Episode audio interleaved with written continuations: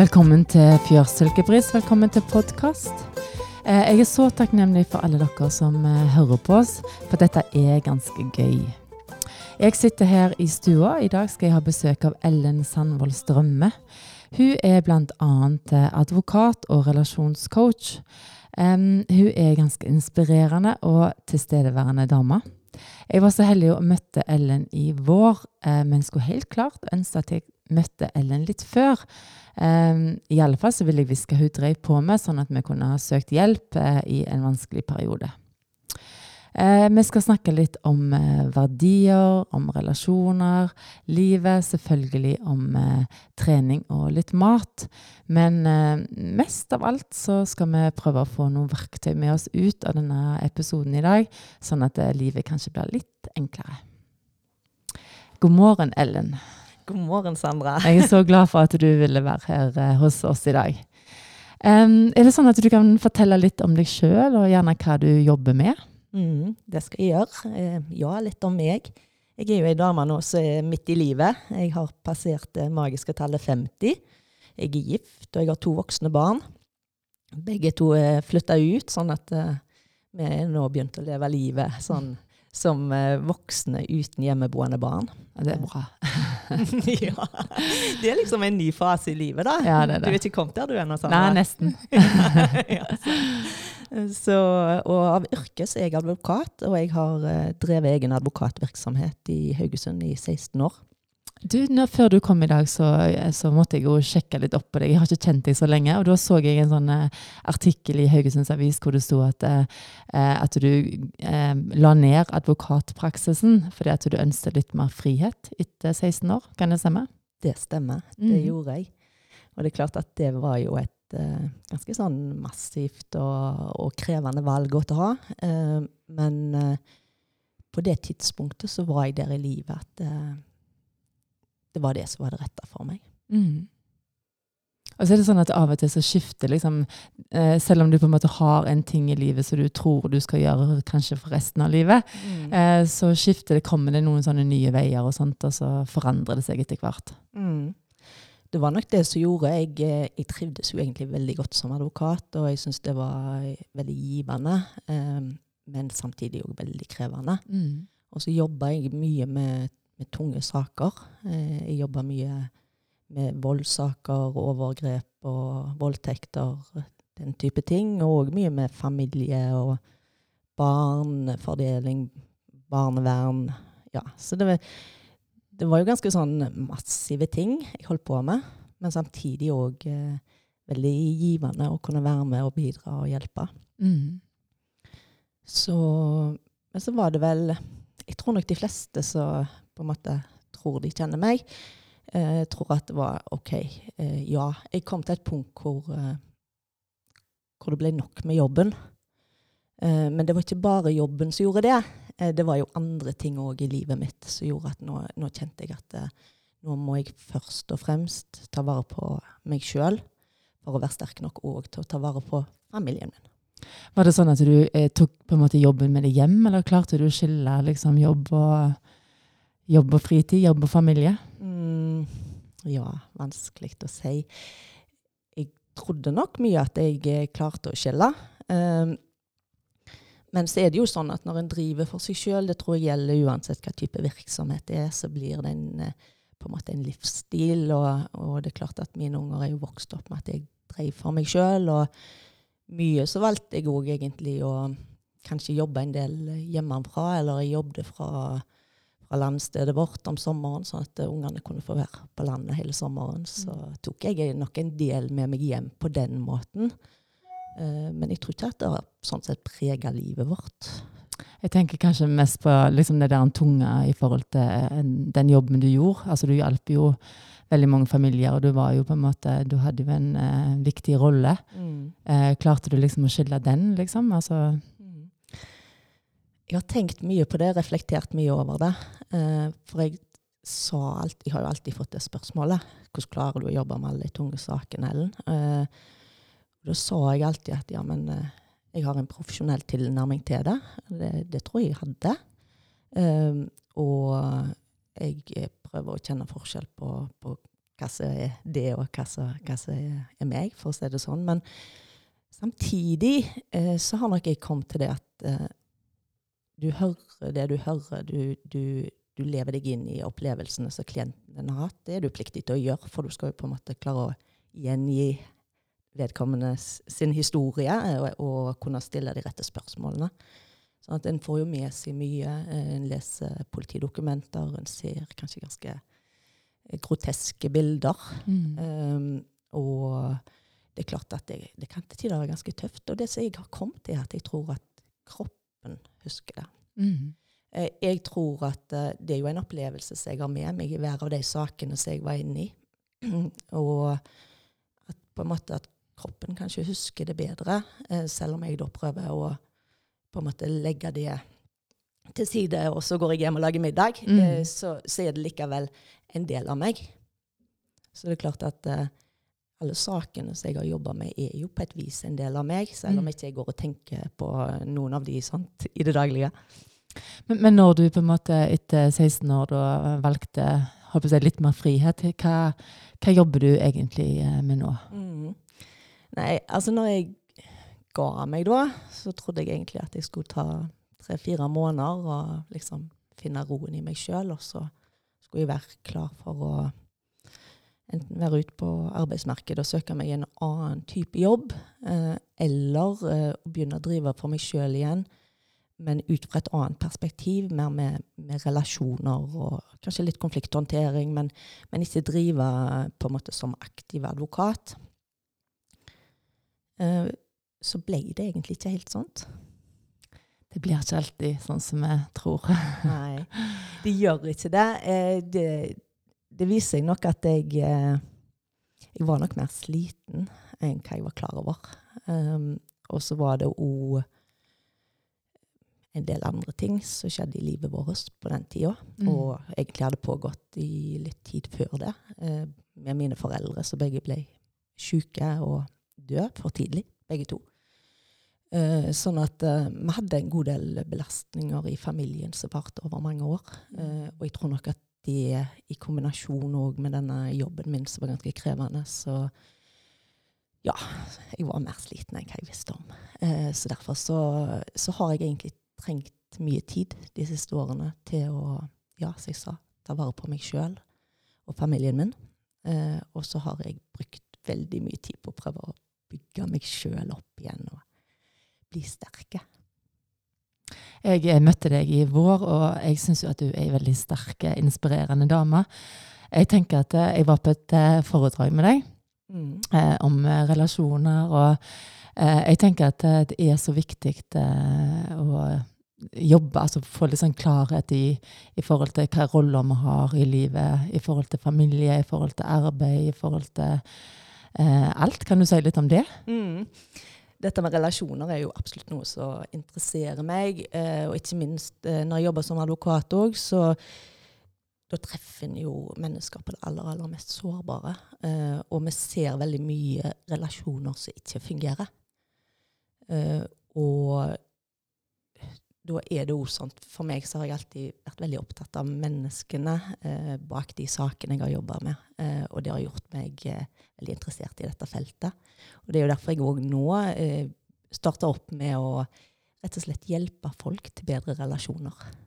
Det syns jeg er ganske fantastisk. for det, det, det, visste ikke vi om. på en måte, fordi Jeg husker når vi, når vi fikk litt sånn problemer, og sånn, så søkte vi hjelp på familievernkontoret annet, Og så opplevde vi egentlig lange ventelister. og så Det var egentlig ganske vanskelig. for hadde jeg visst på en måte at noen drev litt på sånn, så Altså utenom en psykolog. Mm.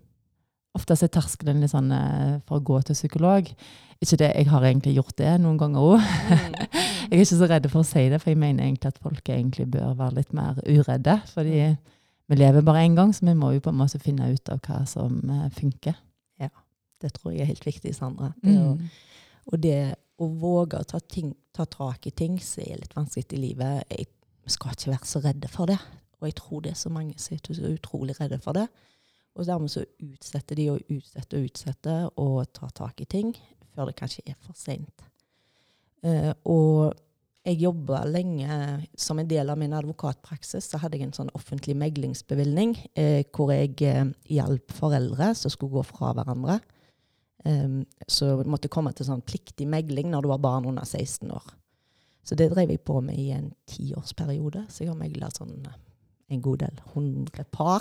er, det sånn at, er det sånn at du lurer av og til på hvordan det gikk med alle de parene? Får du vite det? liksom? Du får jo ikke vite det.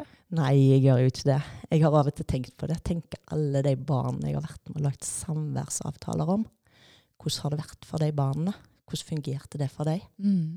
Hvordan ble deres oppvekst? Det har jeg tenkt på. Men det jeg har lyst til å si, da, det var at når jeg jobba som familiemegler, så var det jo sånn at når disse parene kom, eh, så hadde de tatt en beslutning. Eller i hvert fall den ene av dem hadde uansett tatt en beslutning om at eh, forholdet var over. Eh, for dette, da blir du kalt inn til megling. Eh, og jeg så jo ofte hvor vanskelig ting var blitt, og jeg skulle så ønske at de egentlig hadde kommet og fått hjelp på et tidligere tidspunkt. Og det er vel litt det du etterlyste nettopp, Sandra. Hva mm. dere kunne ha på en måte fått hjelp til eh, mm. når dere trengte det.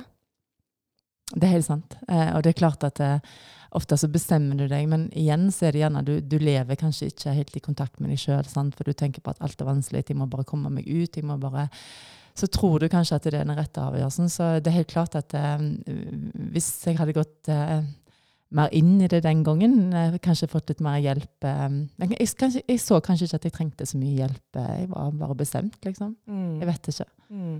Men forebygging eh, Det er jo sånn som vi sier med helse og trening og egentlig kosthold og ja. alt, egentlig. og det må ja. jo egentlig gjelde forhold òg. Absolutt. Altså, det er jo noe av det viktigste vi har. Det er jo, det er jo parrelasjonen vår. Mm. Eh, og så er det kanskje ikke så mange som tar den på alvor, og faktisk jobber aktivt med den. Mm. Eh, og jeg tenker jo det at vi skal ikke være så redde for det. Og det er det jeg har lyst til å snakke litt om eh, til folk nå. Mm. Eh, så jeg har jo tenkt litt på kanskje ha noen sånne temakvelder eller sånn, hvor jeg rett og slett inviterer par litt inn òg.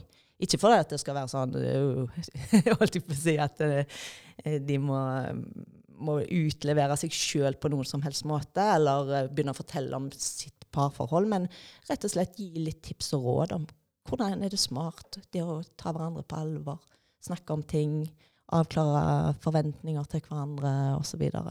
Jeg syns det høres veldig bra ut. Jeg syns det hadde vært så gøy hvis vi kunne gjort det i lag, kanskje i huset her en gang. Fordi for det er faktisk veldig viktig. Jeg husker, um, um, som vi ser, når eh, jentene våre var ett et år gamle. Da reiste vi på et sånn par eh, For da var jeg veldig sånn på at vi måtte jo forebygge sant, og i forhold til eh, hverandre. sant, Og da ville jeg ha Øyvind med på en sånn parterapi. Vi reiste til Fitjar hotell.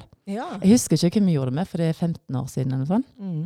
Eh, men i alle fall så var det ganske fint, for det var liksom, når vi kom ned om kvelden, så var det dekt bord til to med lys på, en blomst på, og vi fikk eh, forskjellige oppgaver. Vi måtte liksom eh, fortelle litt om hva vi, altså, hva vi, husker mest av når vi traff hverandre. og eh, jeg husker vi gikk gjennom en del dikt, og vi hadde masse om verdier. og Det var egentlig ganske gøy, men um, også bare mista vi det på en måte i mm. den travelheten og mm. den uh, Men det burde jo egentlig vært sånn at det burde um, Innimellom så burde det vært noen sånne kurs ja. som hadde vært ufarlige å gå på.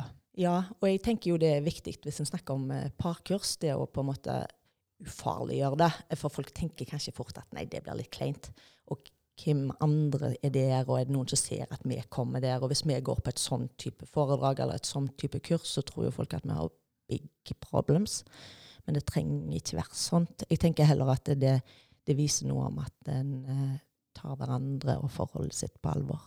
Så, og det som jeg vil tilby, eller som jeg tilbyr nå, er jo òg eh, å jobbe med, med par, da. Enkeltpar.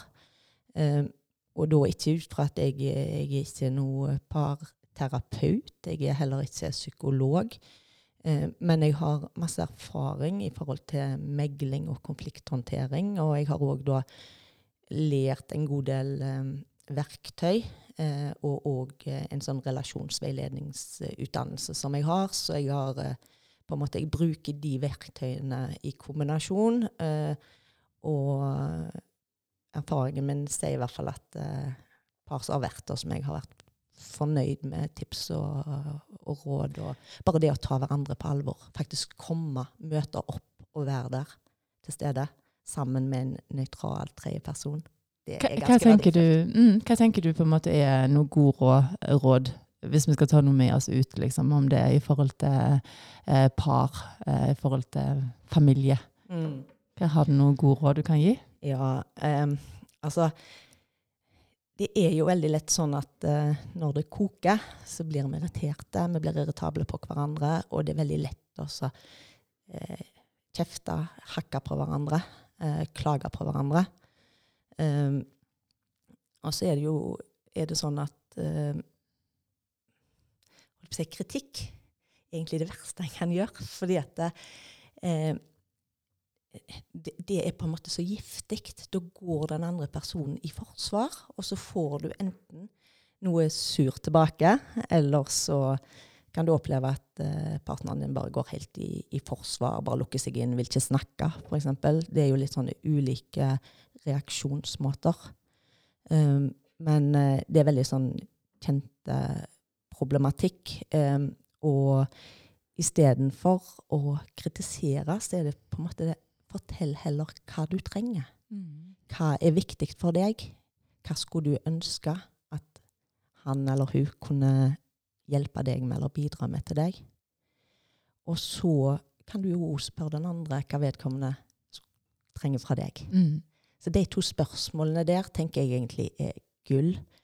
Eh, Istedenfor å gå i klinsj og, og smelle fra seg, så heller si Vet du hva, nå er jeg så sliten, og jeg føler at ting tårner seg opp. Jeg skulle gjerne ønsket litt hjelp eh, hjemme nå, at vi kunne fått litt mer orden på ting, f.eks. Jeg syns det er litt stort ansvar eh, at jeg skal gå og rydde alt alene hele tida. Jeg husker en av de tingene du sa på det foredraget, var at eh, hvor viktig det er å se seg sjøl litt sånn utenfra.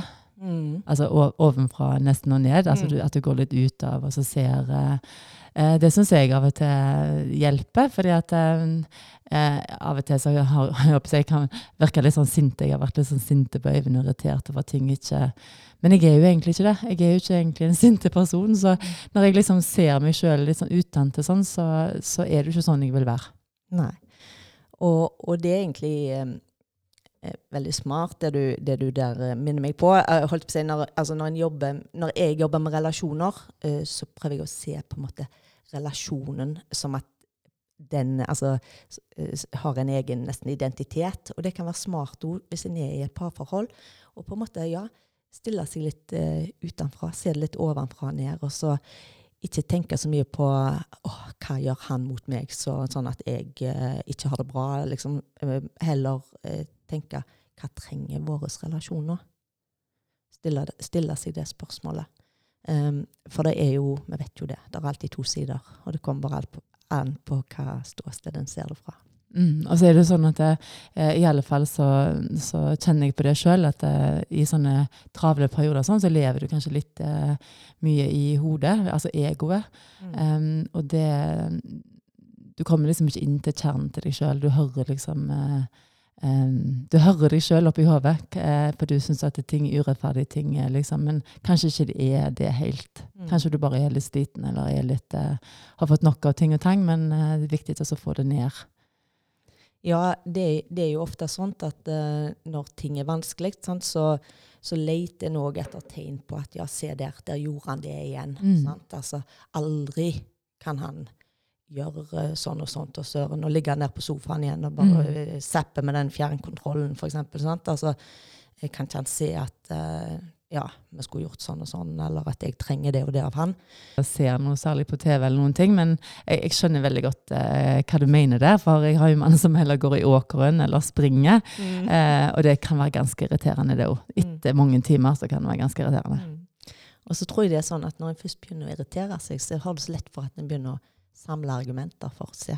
Der gjorde hun det igjen, eller der gjorde han det igjen. Åh, og så jeg lever med en håpløs partner. Sant? Og så begynner du kanskje å gå og snakke med venninnen om det, eh, istedenfor å ta opp problemet med partneren din. Og så er det kanskje sånn at det, det er egentlig du sjøl som er ganske håpløs. For han kan ikke vite, eller hun kan ikke vite. det som egentlig går i hodet på Nei, Så det er egentlig ganske er komplisert. Ja, det er ganske komplisert. at det er jo litt sånn at du går egentlig og håper at uh, han eller hun da, skulle uh, på en måte vært inni ditt hode og sett hvordan du hadde det der. sant? Mm. Uh, og så er det sånn at bak enhver kritikk så ligger det alltid en skuffelse. Mm. Det ligger alltid et håp eller et ønske om at ting skulle vært litt annerledes. Og da er det kanskje litt bedre heller også bare være ærlig og fortelle det, da. Jeg husker Øyvind han eh, sa til meg at um, han var så glad så lenge jeg uh, kunne være litt sånn irritert på han og sint på han, for da- var det noe der. sa han. For hvis jeg hadde vært likegyldig, så hadde det ikke vært noen ting. Han Nei. sa hele veien det at uh, ja, ja, da er bak der, altså bak det der, litt sånn at jeg var litt sånn, det, han mente det var mye kjærlighet der. Ja. For at jeg egentlig brydde meg ganske mye om han. ja, sant. Så, Men da, da så han i hvert fall det. ja, men det, det er ganske fint. Nå i ettertid så er det ganske Ja. fint. Men uh, av og til så har du kanskje noen sånne store kamper. Altså, største største kampen er kanskje deg sjøl, liksom, av og til. Fordi Mm. at det, det er vanskelig av og til. Ja, veldig ofte så er det jo det. Og så handler det jo òg da om eh, holdt jeg på å si, hvordan, eh, hvordan er dette forholdet, eh, og i hvor stor grad eh, på en måte hvilket verktøy bruker en, Mm. eh, grep tar en eh, for å få hull på det.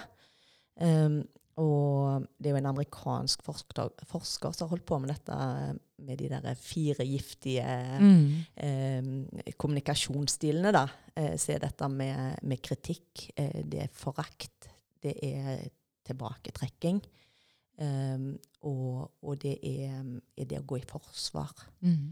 Um, han forska på dette i, i jeg lurer på om det er 30 år eller noe sånt som det. Uh, og John Gottman heter han. Eh, og det som han har funnet ut, at det, av én sånn negativ intervensjon mellom et par, så bør det egentlig være fem positive for at det skal rettes opp igjen. Ja. Så de parene som faktisk lykkes, det er de som har evne til å eh, til å gjøre det godt igjen med hverandre. Kanskje har de en humor seg imellom, at de kan le litt om 'hallo, nå gjorde vi det der, der Mm. igjen', og det vi jo egentlig at funker dårlig. sant? Eller, sant? At en kan, kan være litt sånn på kanten med hverandre og, og, og, og ha litt eh, på en måte litt humor, eller, eller det med anerkjennelse. Gi hverandre anerkjennelse. For det er jo noe vi trenger alle. Innimellom så hører vi på podkast i dag, og da eh, hører vi gjerne på Kjærlighetspodden. Jeg vet ikke om du har hørt på den? Jo, jeg Eh, har, eh, hørt litt på den. Jeg har hørt det på Eh, den. men her en dagen så hørte jeg en, hun var gjest i en podkast, og da snakket hun om at eh, For det var et spørsmål inn, eh, det var Lørdagsrådet. Det var et spørsmål, var liksom, det var ei som skulle, to, et par som skulle flytte i en leilighet. Mm.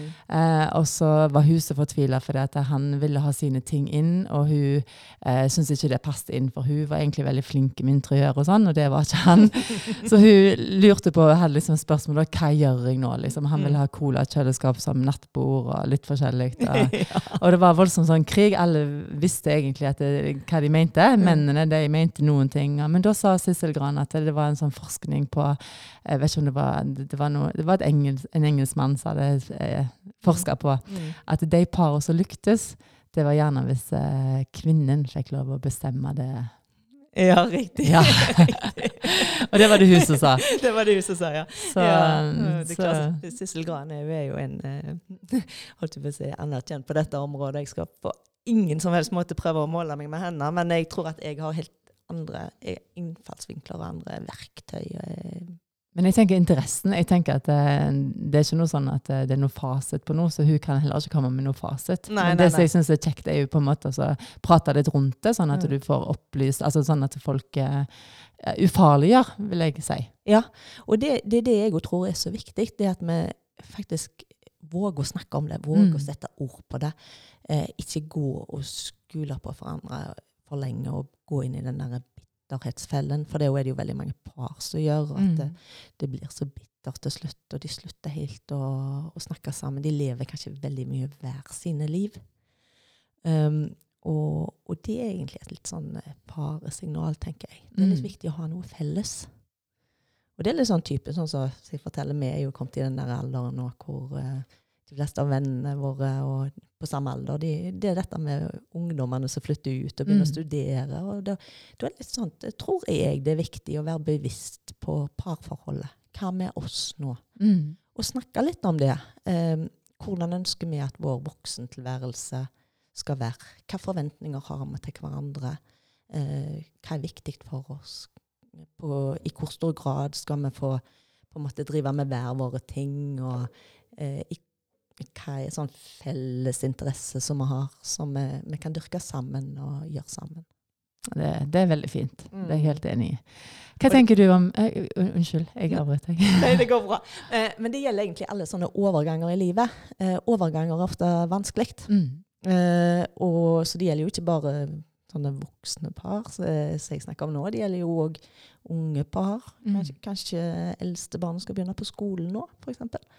Eller eh, mange som gifter seg i løpet av sommeren, og så kommer hverdagen nå, og de skal starte sitt eh, hverdagsliv sammen. Hvordan er det? Mm, det er ganske, eh, Han eldste sønnen vår, Joakim, han eh, skal gifte seg neste år. Han har til kjæresten sin, Mm. og jeg er blitt farmor. Og, eh, så det er helt sant. Det, er ganske, det er ganske rørende å se hvordan de liksom eh, starter familielivet, og hva, hva verdier og sånt de setter. Det er ganske fint, altså. Ja. Jeg er så stolt. Eh, så du at jeg ble rørt nå? ja, jeg så det. Eh, det er sånn at når, eh, når eh, lille Olivia ble født eh, i mars, så eh, var selvfølgelig alle veldig opptatt av henne. Men jeg har aldri tenkt på liksom det. Jeg var egentlig så opptatt av han og, og mammen, for det, det var så fint. Og bare det å oppleve å se at den eldste sønnen blir far, og så var han så glad, og så var han så Åh, det var bare så rørende. Så selvfølgelig var det helt fantastisk med hun Lytta som ble født, men bare det å oppleve liksom det,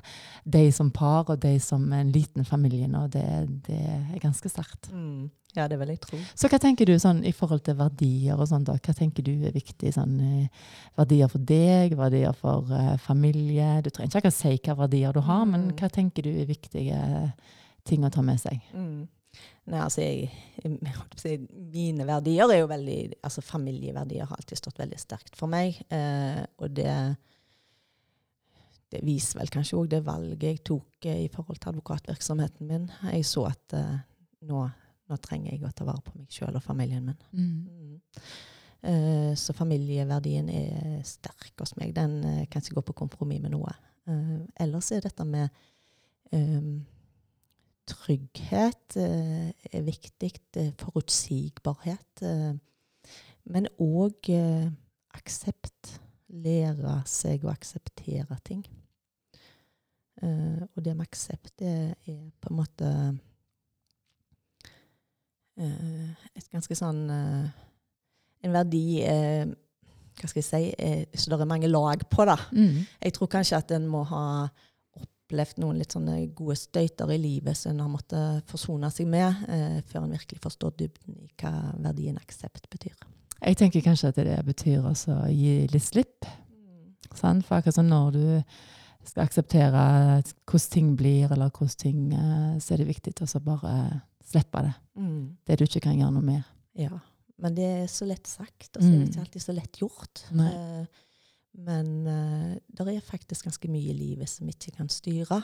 Eh, og da er det veldig viktig å tenke på er dette noe jeg kan gjøre noe med.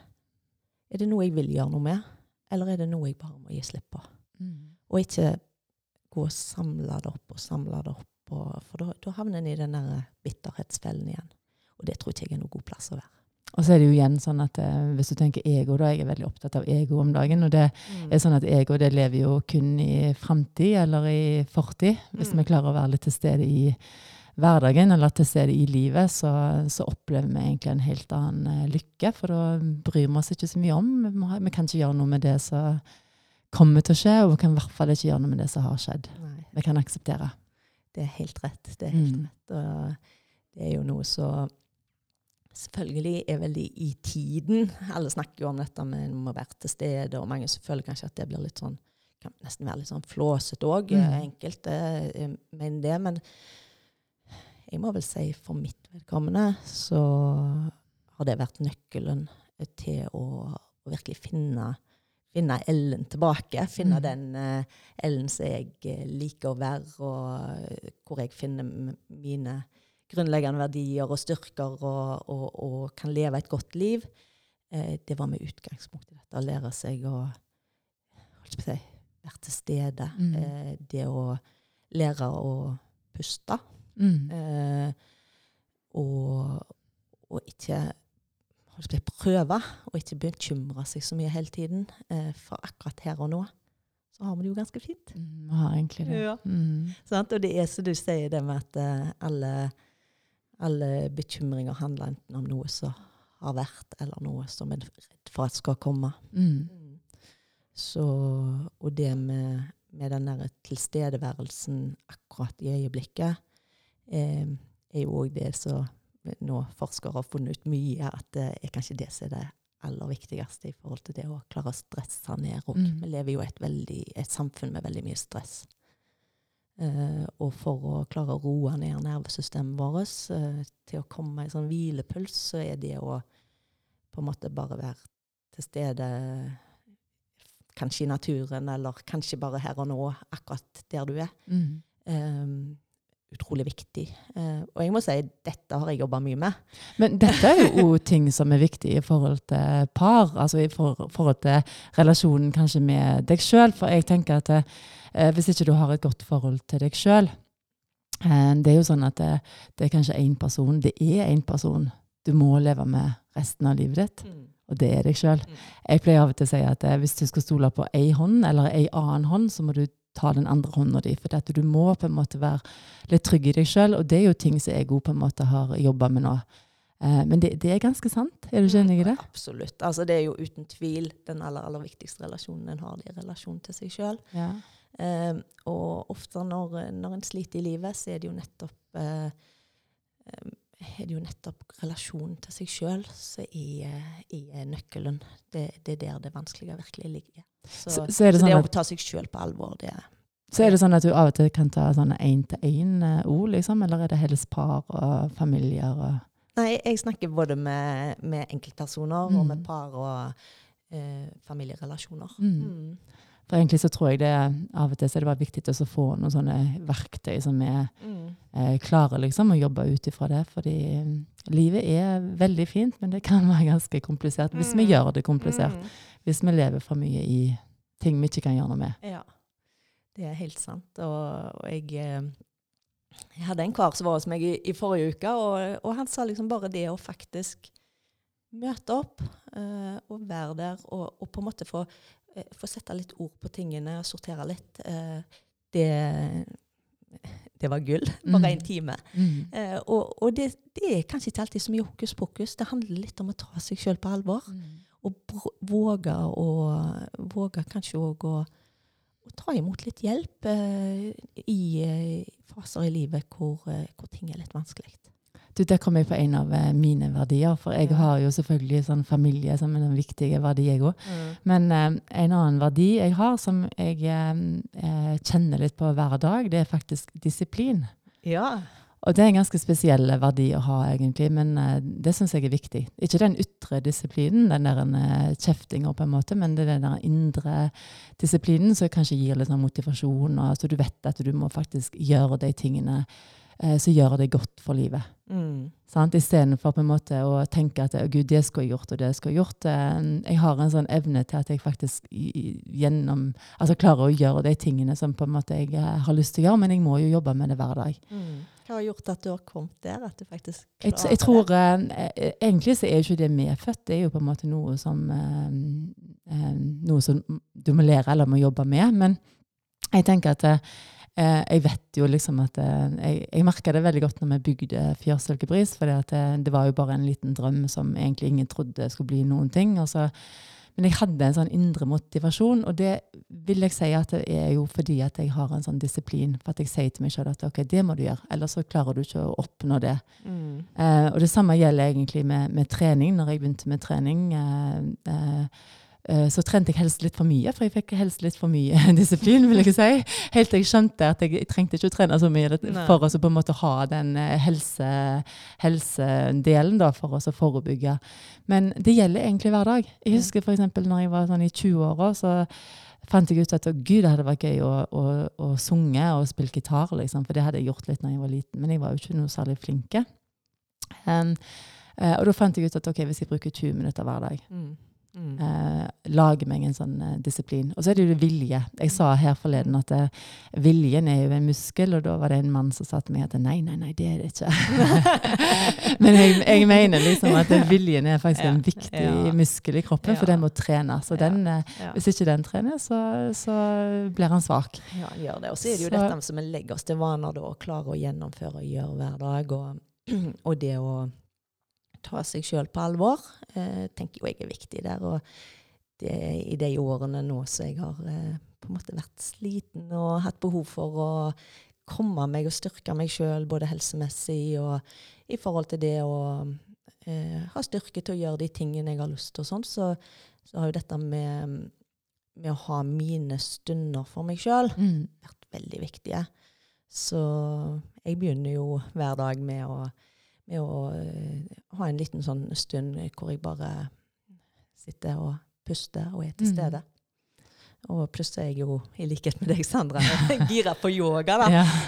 sånn at det, det er jo eh, et fantastisk redskap, må jeg si. For meg har det i hvert fall vært det. det å, eh, jeg har en sånn kropp så lett blir både stive og bonde Mm. og gir meg mye smerter. Og, og det å være disiplinert i forhold til å gå jevnlig på yoga, og gjerne gjøre litt hjemme òg, det, det er redningen for meg, i hvert fall. Men det hørte du, disiplin igjen. For det, det, det som jeg egentlig skulle si om disiplin, da, Mm. det var det at eh, hvis du f.eks. da spiller gitar 20 Mm. minutter hver dag, Mm. om du er 20, 30 eller 60 år eller Mm. 10 år, så blir du jo god på gitar etter hvert. Og det samme gjelder hvis du på en måte vil synge. Jeg tror jo til og med at alle kan lære seg å synge. Sandra, det Jo, jeg tror det.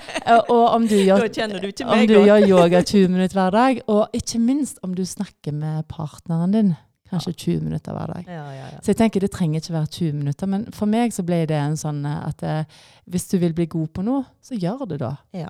Jeg har tenkt å lære meg italiensk eller Ja. spansk eller i løpet av dette året, 2019. Det er ikke så mye igjen egentlig, det er bare et halvt år igjen. Ja. Men jeg vet at hvis jeg bruker litt tid hver dag, Ja. så får jeg jaggu med det til òg. Og det, det tror jeg er viktig. Og det som du sier med å snakke med partneren sin, og ikke minst å snakke med ungene sine. Mm. Eh, jeg, det har vært utrolig viktig for eh, oss, eh, meg og mannen min, i vår eh, barneoppdragelse. Så har vi alltid snakket masse med ungene våre. Mm. Og hjemme hos oss så snakker vi om alt. Eh, men ungene forteller jo det at de, de opplever ikke alltid at eh, vennene deres er vant med å snakke om så mye med foreldrene sine. Nei. Så der tror jeg faktisk at eh, der er det mye å hente. Mm, det tror jeg jo. Ja. Jeg tror det er viktig å være åpen, og at ungene ikke minst eh, kan bli kjente med oss eh, som foreldre, altså som mennesker, ikke bare som eh, Det er der den ytre disiplinen kommer da. den er ikke jeg helt, alltid helt enig i. ja, jeg er enig med deg i det, Sandra, og jeg tror jo òg på det også våge å vise sårbarhet. Mm. Eh, og at eh, selv foreldre kan av og til både være lei seg og, og slitne, og, og det er ikke alltid at livet går helt på skinner.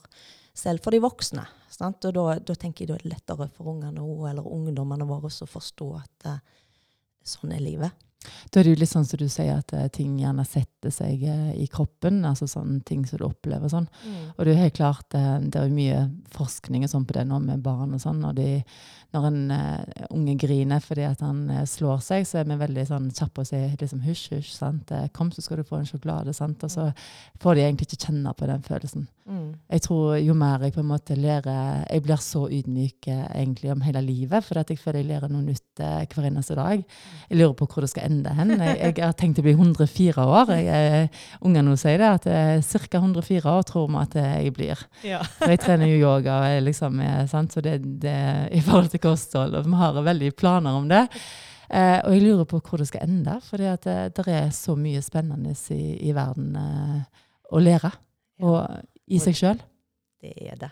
Det er mye spennende. Og samtidig så lever vi jo i et veldig sånn utfordrende samfunn, vil jeg si. det. Sånn at det, det er å, å være bevisst i forhold til hva ønsker vi å ha fokuset vårt på. Mm. Eh, hvor, hvor vil vi, hva vil vi fokusere på i vårt liv? Hva er viktig for oss? Eh, og det å ikke alltid bry seg så veldig mye om eh, hva andre gjør eller Mm. mener eller syns, så lenge en er klar i sine egne verdier og hva en tror på og hva en ønsker med livet sitt.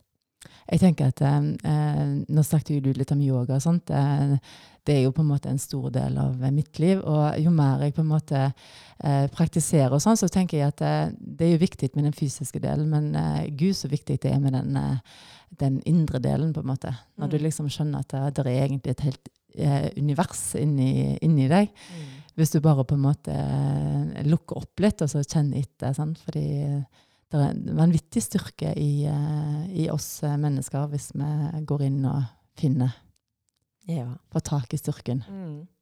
Og hvordan opplever du det med Du har jo, du har jo kurser og sånn Mm. her eh, eh, med de som kommer til deg og trener.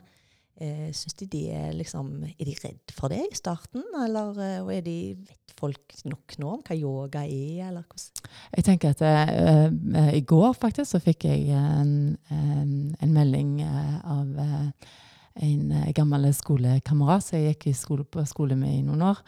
Eh, og han skrev at jeg har så lyst til å begynne på yoga fordi at jeg har så mye vondt i ryggen. Og, eh, men jeg skjønte ganske fort at eh, han har jo lyst, men det er liksom den der en eh, eh, Jeg tror folk er litt redde av og til for å komme. Kanskje spesielt menn, men òg en del eh, damer. fordi det, det er litt skummelt å komme inn med flere folk, sant? og de føler liksom at de er eh, ja, at, at det ikke er god nok, rett og slett. Og det er jo egentlig helt feil, for alle kan jo egentlig gjøre eh, yoga. Ja, det er noen venninner som sier til meg når jeg prøver å si at dere må begynne på yoga, så sier de ja, Mm. men jeg er så stiv, så jeg kan ikke det, sier de.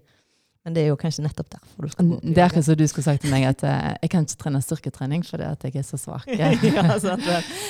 Sant? Altså er jo, yoga er jo så mye mer enn egentlig de stillingene. Og de, det er liksom det å finne kontakt med kroppen din, bli litt kjent med eh, alt fra tærne dine til Mm, mm. Jeg er veldig opptatt av tær, men det skal vi tilbake til en annen gang.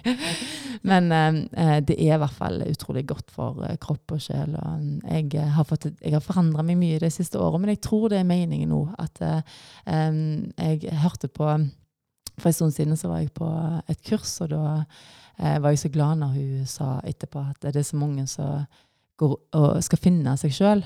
De er liksom kanskje i krise, 40-årskrise, så skal de liksom Nå tar jeg en pause, for nå skal jeg finne meg sjøl. Eh, og så finner de egentlig ut at eh, du er ikke på en måte en konstante ting. Det er ikke sånn at det, sånn du var når du var eh, 15, sånn er du på en måte selvfølgelig ikke nå. For eh, du kan forandre meninger, og du kan forandre til og med verdier. Mm. Eh, heldigvis har vi et nytt valg hver eneste dag når vi våkner. egentlig. Vi kan faktisk eh, jobbe med oss sjøl, og vi kan forandre oss hele veien. Så det er ikke sånn at vi kan finne noe og så tro at det er noe sånn stabilt. Du må finne en god kraft og en god Mm. verdi.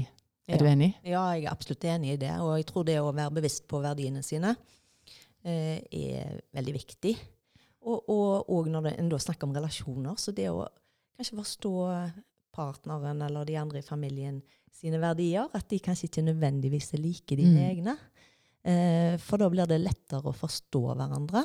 Eh, det er den ene tingen. Og så er det jo òg sånn at eh, som typer mennesker så er vi jo ulike. Og det er jo, det er jo et eget felt. Altså. Ja, det er et det er et eventyr. ja. Det, det, det syns jeg at vi skal snakke om en gang. For ja, jeg jeg, har tatt noen sånne tester, og, liksom, og det, er ganske gøy. Altså. Det er ganske, eh, og det sier jo meg og Øyvind, vi er jo veldig forskjellige. Liksom, for han, eh, eh, og det vet jeg at han òg vil snakke om, for han må få være med og snakke om det. For han, Ja. det, det er ganske spennende. Jeg, ja, jeg tok, eh, eller har tatt noen sånne tester, jeg, og jeg var på et eh, litt sånn større kurs om det. og Wow, der fikk jeg en del eh, aha-opplevelser. Eh, og ikke minst også i forhold til det med Jeg forsto litt mer hvorfor har jeg gjort de valgene jeg har gjort Mm. i livet mitt. Mm. Plutselig jeg, liksom, Da kunne jeg se det i et annet lys. Um, så Nei, det er spennende. Det er faktisk det. og så er det der å tenke at det, vi er liksom ikke eh, Det er liksom ingen som er like. Alle må få lov å være seg sjøl, og så må vi på en måte åpne litt opp for det, Mm. sånn at vi eh, må respektere. Ja. Respekt er ganske viktig, egentlig. Og det, der sa du egentlig den verdien som jeg eh, glemte i farten i sted når vi snakket sammen. Eh, Mm. du spurte meg om mine verdier. Det med respekt. Altså, Jeg kan ikke få sagt det nok. mm. Respekt er veldig viktig. Og det å eh, gå inn i eh, på en måte hver dag eh, med det å respektere både seg sjøl og, og de som er rundt seg, eh, og òg prøve å forstå at selv om du tenker på en måte, så er det kanskje en grunn for at vedkommende oppfører seg annerledes enn hva du hadde forventa. Mm. For dette, hun eller han har eh, andre verdier og andre utgangspunkt enn hva du Mm. har. Det er ganske fint at du sa, for eh, eh, på den forrige episoden, med, når jeg hadde snakket med storesøster, Ja. så eh, tror jeg vi snakket om akkurat det. Fordi eh, du kan egentlig ikke vite hva den personen som sitter for, over deg, eller som du møter på butikken, eller du kan ikke vite hva, hva den går gjennom akkurat eh, nå. Nei. Eh, for egentlig så er det så mye vondt i verden nå i forhold til hva som skjer i familier med sykdom. og eh, med, det, det er ganske mye vondt. Så vi, Mm. vi, kan, vi må liksom møte mennesker med respekt. Liksom. Vi må ikke dømme. Nei. Og det er veldig lett å tenke at hvis det er noen som f.eks. virker arrogante, Mm. eller eh, ja, ikke hilser, f.eks., og så eh, er lett å tenke herlighet, så overlegen hun var eller han var. Men så der tenker jeg litt at eh, ja, men kanskje var det en grunn for at vedkommende ikke hadde hadde lyst til å hilse på så mange når jeg gikk gjennom byen den dagen. Kanskje Mm. har hun det ikke så enkelt for tida, eller kanskje er det beskjedenhet. Altså Det kan være så mye. Men vi er så lette til, lett, har så lett for å dømme. Altså, Mm. nei, men hun er så overlegen, eller uh, han er en arrogante type. Mm. Og da sa jeg akkurat det at eh, jeg, jeg vil egentlig ikke tro på eh, sånne rykter sånn før jeg hører kanskje historien fra den det gjelder. For at alle, alle bør eie sin historie, for alle har, alle har sitt. Alle har sitt liv.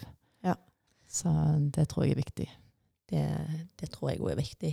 Eh, og, og det gjelder jo òg eh, Hvis en har en person som en på en måte har en litt trøblete relasjon til, Mm. så prøv nå heller å snakke med vedkommende sjøl. Uh, og ikke gå og snakke med alle andre. Mm. Det, Jeg syns du er veldig lett å snakke med, Ellen. Jeg, vi, vi sitter her akkurat som vi sitter på en sånn uh, kafé og drikker te, liksom. Jeg syns det er, ganske det er ganske, Av og til så møter du liksom folk eh, Jeg har veldig på det at jeg møter folk, så, så kjenner jeg liksom at jeg kan åpne opp litt og være meg sjøl. Og så um, er det liksom enkelt. Og så Mm. andre ganger så kjenner jeg at oi, nei, da akkurat så lukker jeg igjen. Så jeg har liksom lært meg en sånn eh, Jeg tror det er en god teknikk der, for det at eh, Mm. Det er liksom viktig. Da. Du er en veldig god person å snakke med, Ellen. Jo, Det er helt klart.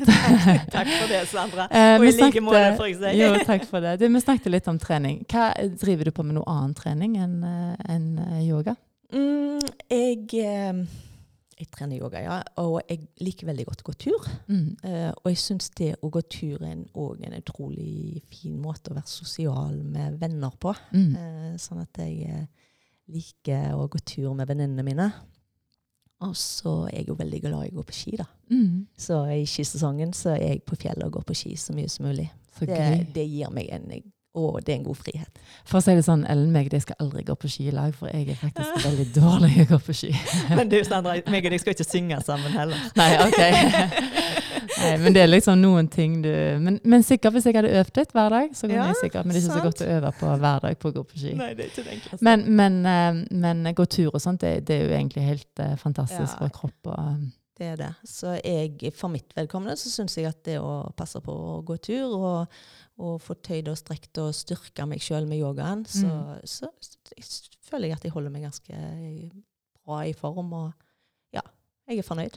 jeg tror at en del tenker, når du sa styrka med yoga, så tenker folk at hm, sitter de ikke bare der og med beina krossa? Så. Ja, jeg vet det. jeg vet det. Men da, da vet de jo ikke hva yoga er, vet Nei. du. For dette, i løpet av en yogatime så har vi jo egentlig trent alle musklene. Vi har det. sant? Mm. Så, så jeg har aldri Jeg tror aldri jeg har følt meg så sterk i kroppen min som eh, jeg gjør når jeg trener yoga jevnt og trutt.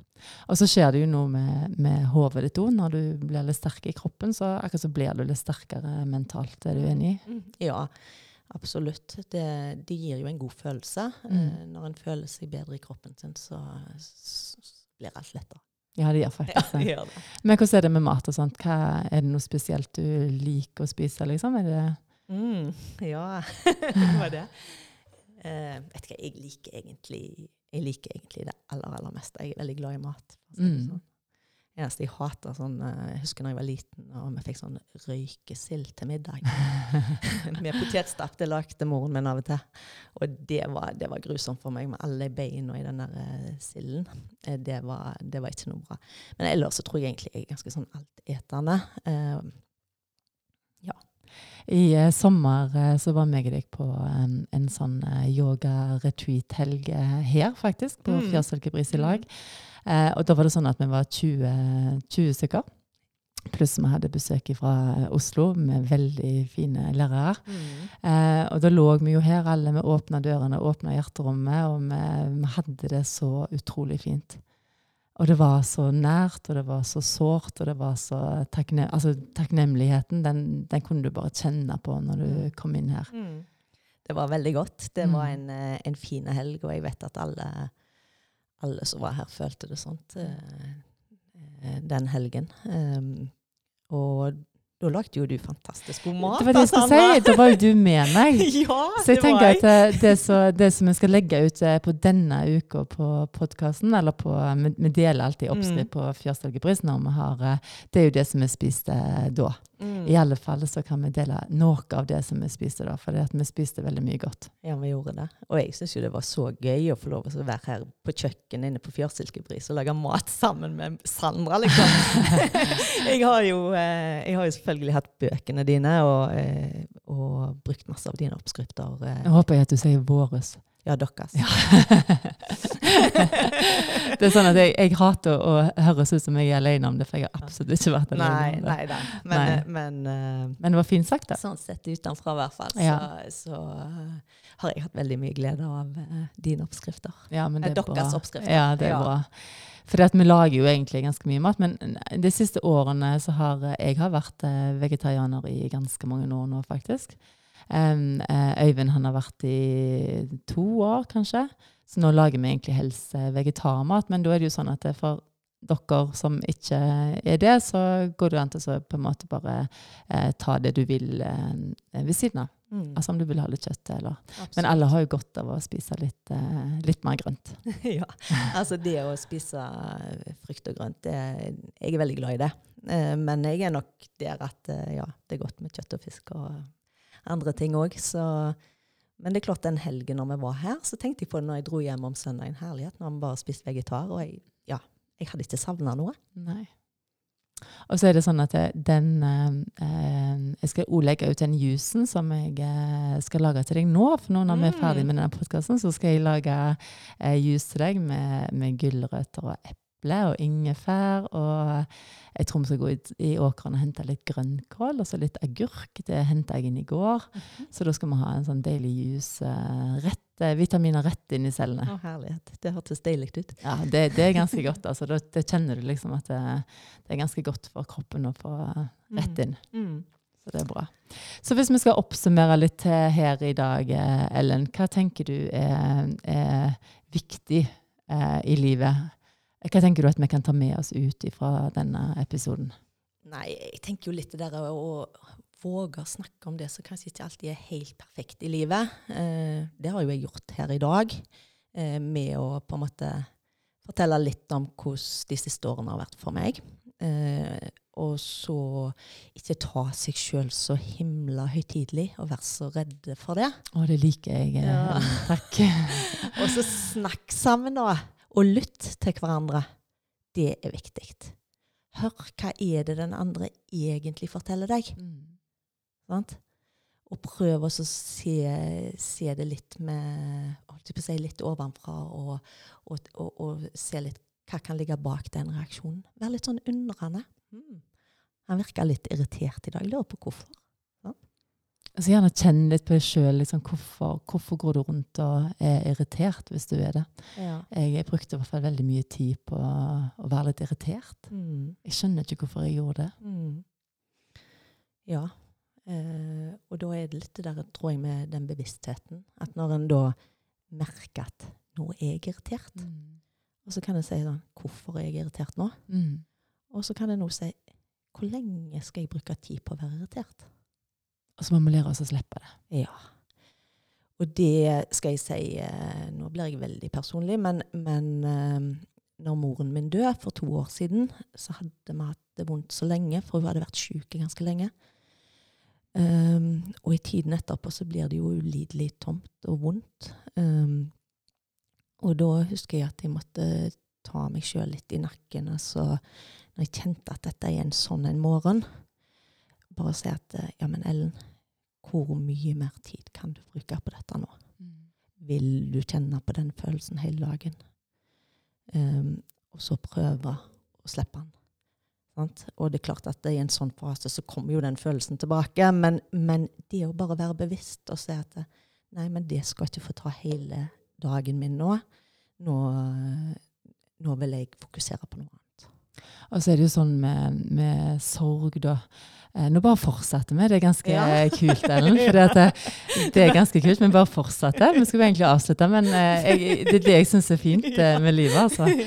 Men, men, så er det jo sånn med sorg, da, sånn som du sier, at du må velge liksom, om du vil ha det med deg videre etter to år. Så i hvert fall så har vi opplevd mye sånn at det, når, er, når du mister noen, når det, eh, så er det aksepten som må komme inn. For det, mm. det skal liksom leve med deg videre. Jeg ser sånn som med pappa, han har vært det er seks år siden han døde, nå seks og et halvt. Mm.